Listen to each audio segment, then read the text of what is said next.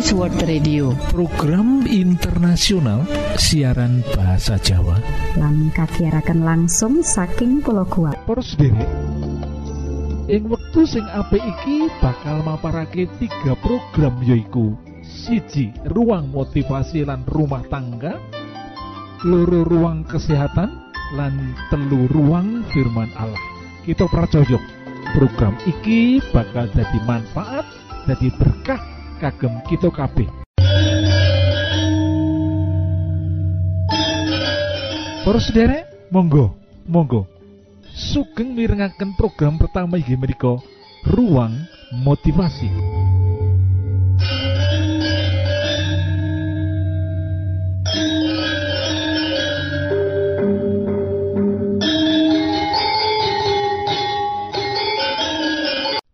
motivasi waktu iki yaiku piye sikap kita saat anak menghadapi kesulitan ekonomi. Saat anak-anak masih kecil, kita iso ngarahkan anak, menuntun anak, mendidik dia, memberikan bimbingan yang terbaik. Nanging sakwise bekerja, sakwise mereka berumah tangga, kadang-kadang ada anak yang mengalami kesulitan ekonomi. Tidak seperti harapan kita, mengalami keterpurukan ekonomi. Piye sikap kita pada saat anak-anak kita itu ada yang menghadapi kesulitan ekonomi? Kita sebagai orang tua bersikap apa? Inilah jawabannya para sendiri.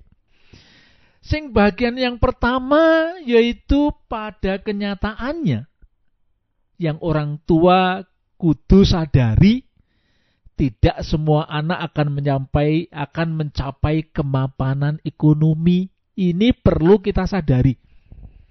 Seringkali kalau kita memiliki anak yang banyak, tidak semua anak akan mencapai kemapanan ekonomi seperti harapan orang tua. Layan kaya mengkono aja menyusahkan hati bapak ibu. Memang begitulah sing bakal terjadi. Nanging sikap kita piye yen melihat ada sebagian dari anak-anak kita yang sukses sukses sukses sukses ini uangnya banyak-banyak ini ada yang seperti tidak sukses. Lah iki yang perlu kita lakukan.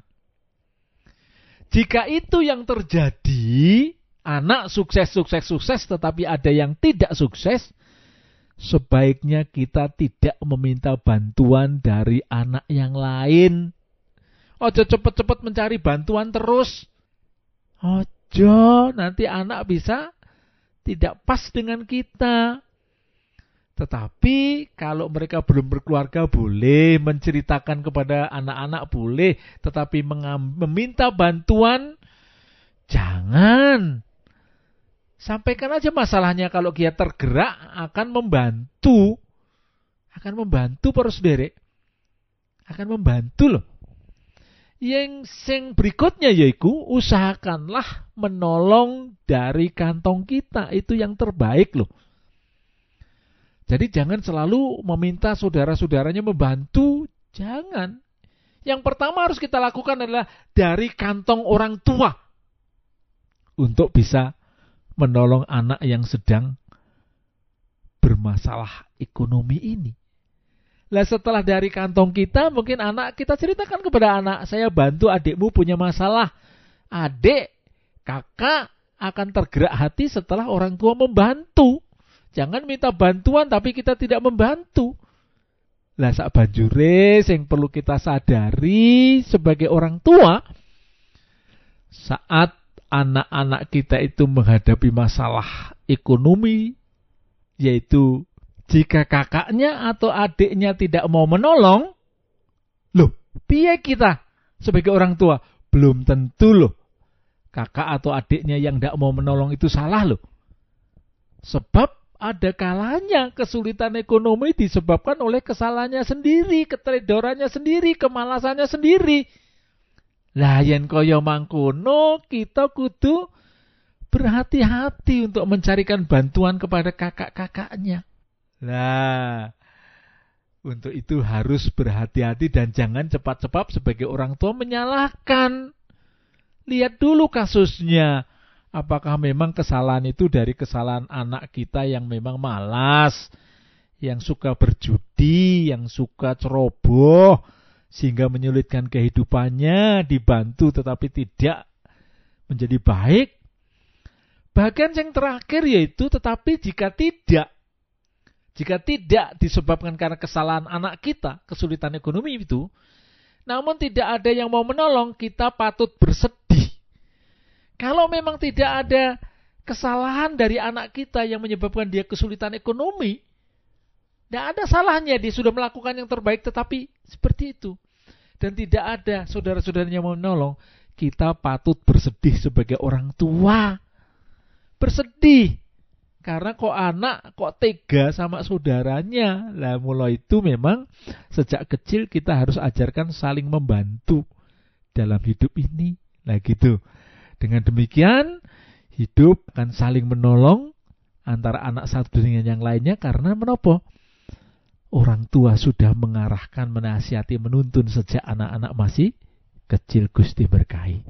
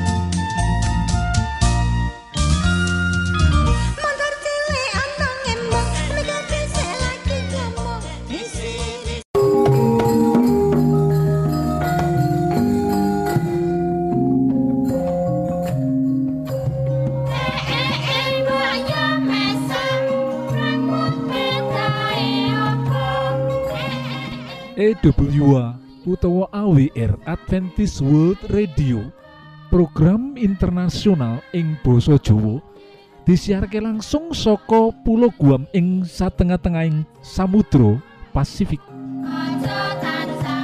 poros derek Monggo, monggo sugeng mirengaken program kedua menika Ruang Kesehatan. Salam sehat, Gusti berkahi.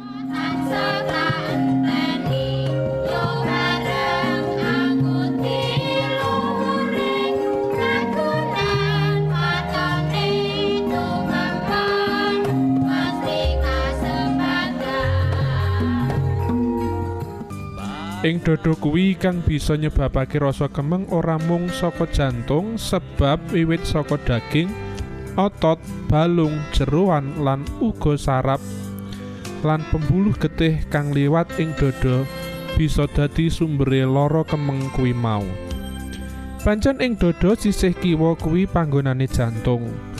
Mula saben ana lara kemeng ing dodo kiwa tamtu disangkutake karo anane lara jantung. Kuwi durung tamtu. Bisa uga saka otot ing dada, bisa uga saka saraf ing dada bagian kiwa. Mula kita kudu duwe patokan liyane kang digunakake kanggo milah-milah kahanan supaya kita bisa ngawruhi penyakit apa kang nyebabake rasa kemeng ing dada kuwi. Ing dada sisih kiwa kajaba jantung uga dilewati dalan panganan. Kang diarani oesofagus. Saka tutuk panganan ngliwati gurung lan lumebu ing saluran usus kang diarani oesofagus. Ya kuwi bagian saluran panganan sadurunge mah utawa waduk. Ing kahanan loro ing oesofagus bisa uga gawe pengaruh rasa ora kepenak ing dada kiwa amarga oesofagus mau ngliwati dodo bagian kiwa. Ing kahanan radang oesofagus utawa kahanan liyane kang ora becik ing oesofagus bisa nuwuhake rasa kemeng ing dodo kiwa. Kahanan kang akeh nyebabake rasa ora kepenak ing dodo kiwa ya kuwi salah panganan. Wong kang akeh mangan panganan pedes nyegrak bisa nyebabake tumus krasa lara ing dada kiwa.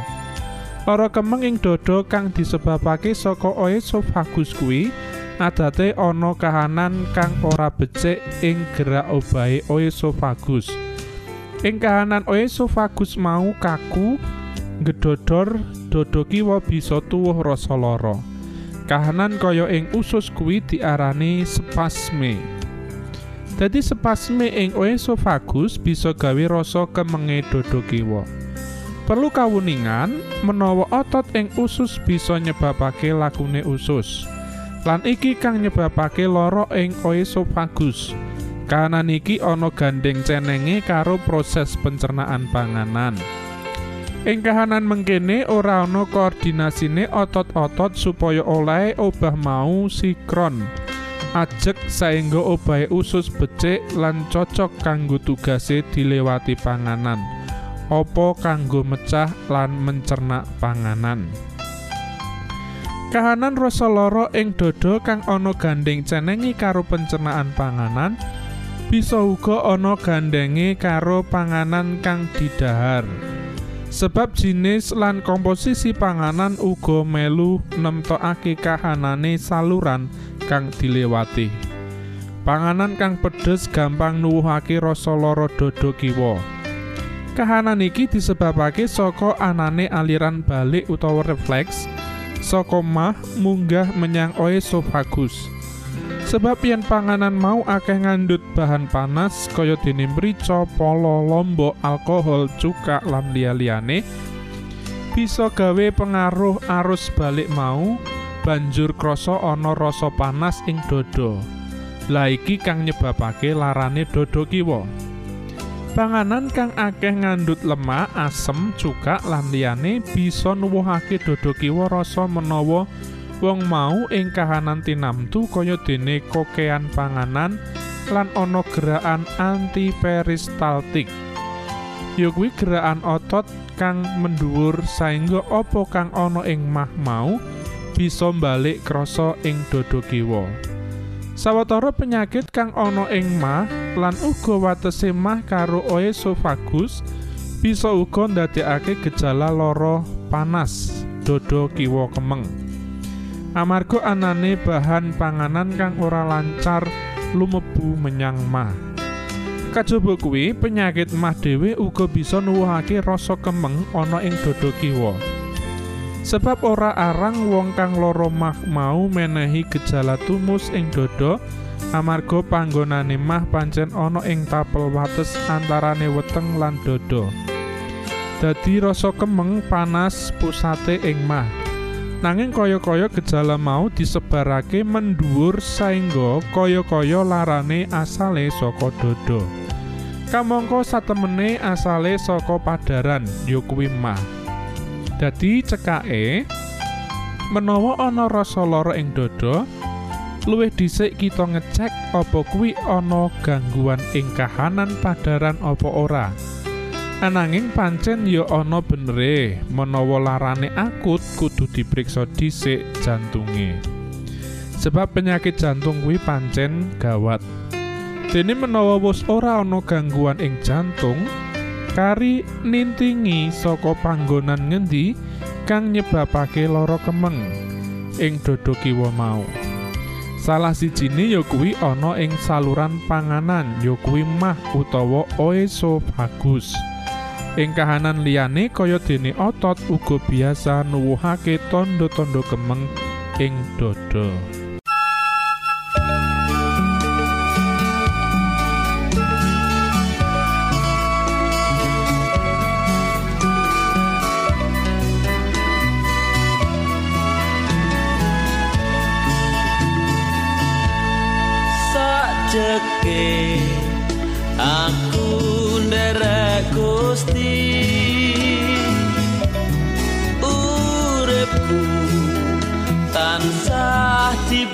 Diberkahi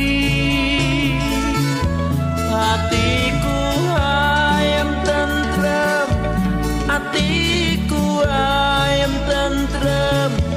Kabeh iku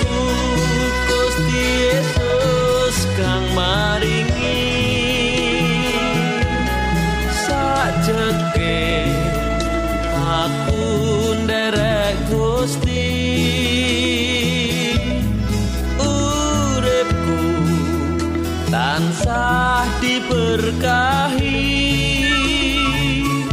atiku ayam tentrem atiku ayam tentrem kabeh iku Gusti Yesus kang maringi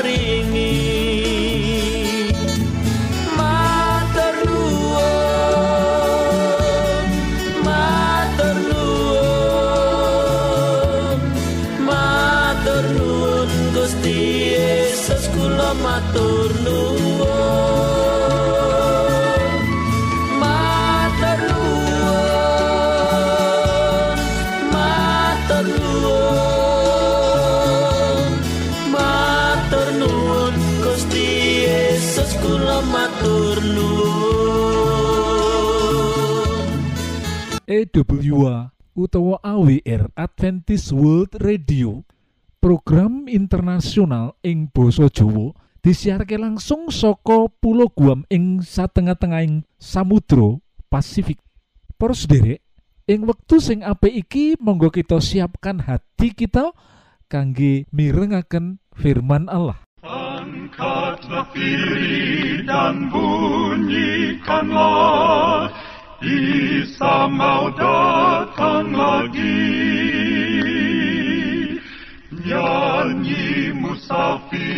dan pujikanlah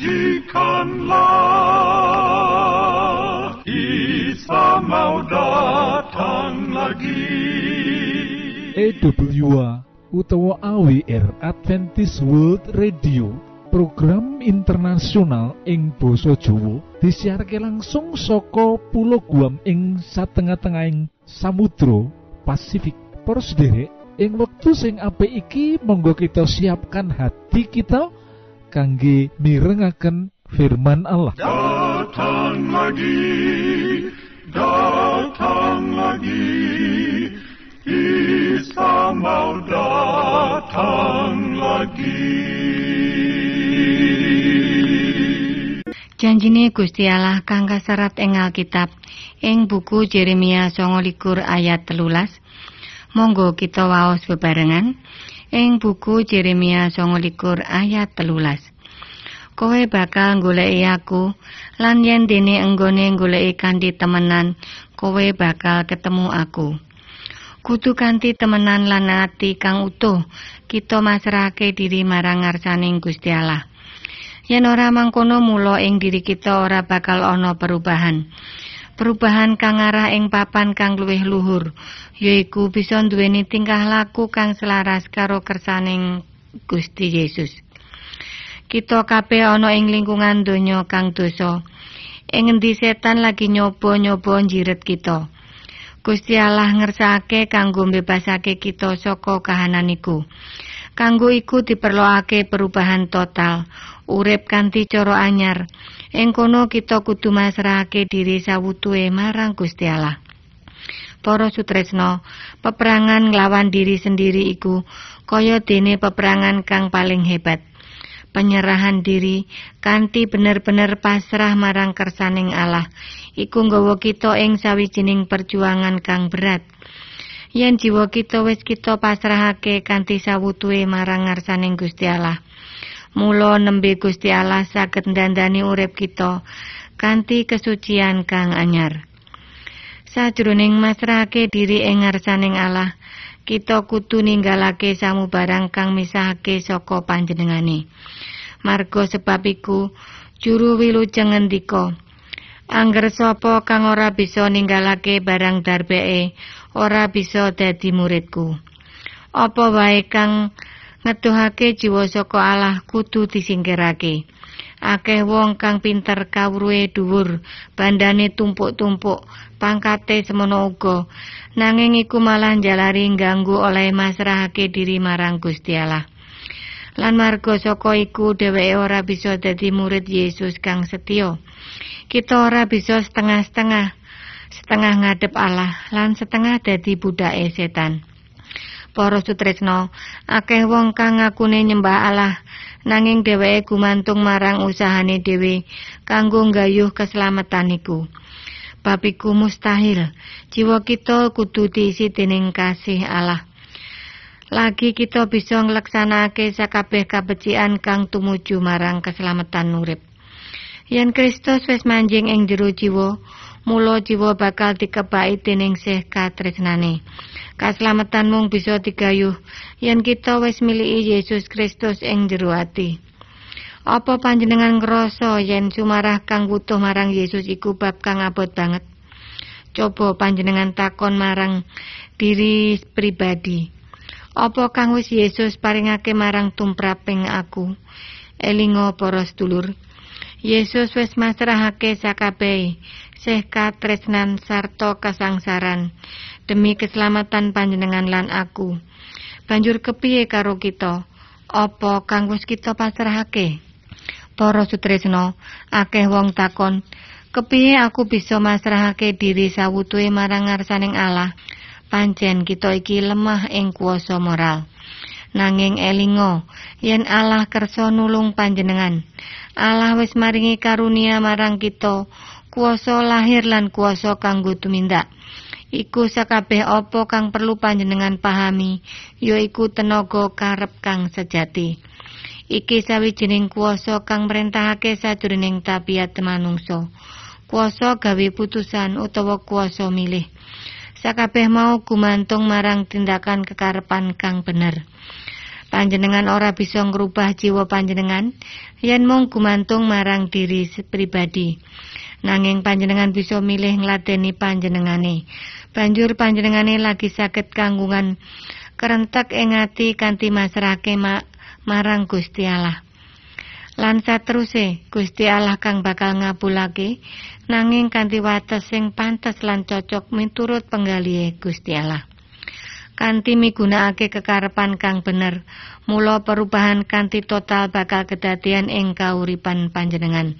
Kanthi masrahake sakabeh kekarepan marang ngarsaning Yesus. Panjenengan ngubungake diri panjenengan karo kuasa kang ana ing sakabehing kuasa lan panguwasa. Panjenengan bakal oleh kekuatan saka dhuwur kang jagani panjenengan supaya tetep teguh lan marga saka pasrah kanthi ati kang mantep lan tetep marang ngarsane ngalah. Panjenengan bakal sanggup nguripake kauripan kang anyar, yaiku urip sajroning iman. Para sutresna, apa panjenengan kersa masrahake urip sawutuhe marang astaning Allah? Wektu iki kita ngajak panjenengan. Panjenengan kang bisa masrahake jiwa sawutuhe marang ngarsaning Gusti Allah. Lan duwe iman, lan duwe iman marang Allah. Sebab panjenengane iku kang nitahake kita. Duwe iman marang Allah, sebab panjenengane iku kang nebus kita. Duwe iman marang Allah, marga panjenengane iku kang ngrawat kita. Duwe iman marang Allah, pasrah sawutuhe marang Allah, supaya panjenengan pikantuk urip kang langgeng. Tansah nggatekake tumbuhe iman panjenengan, yaiku kanthi tansah ngunjukake pandonga kanthi teratur marang ngarsaning Gusti Allah. Sinau bab firman kanthi teratur. Tu duwe iman panjenengan kanthi cara kesaksian. Tumen iman panjenengan kanthi cara kesaksian. Sebab Yesus wis tau janji, aku iki tansah nganti kowe nganti akhir zaman. Amin. Ai.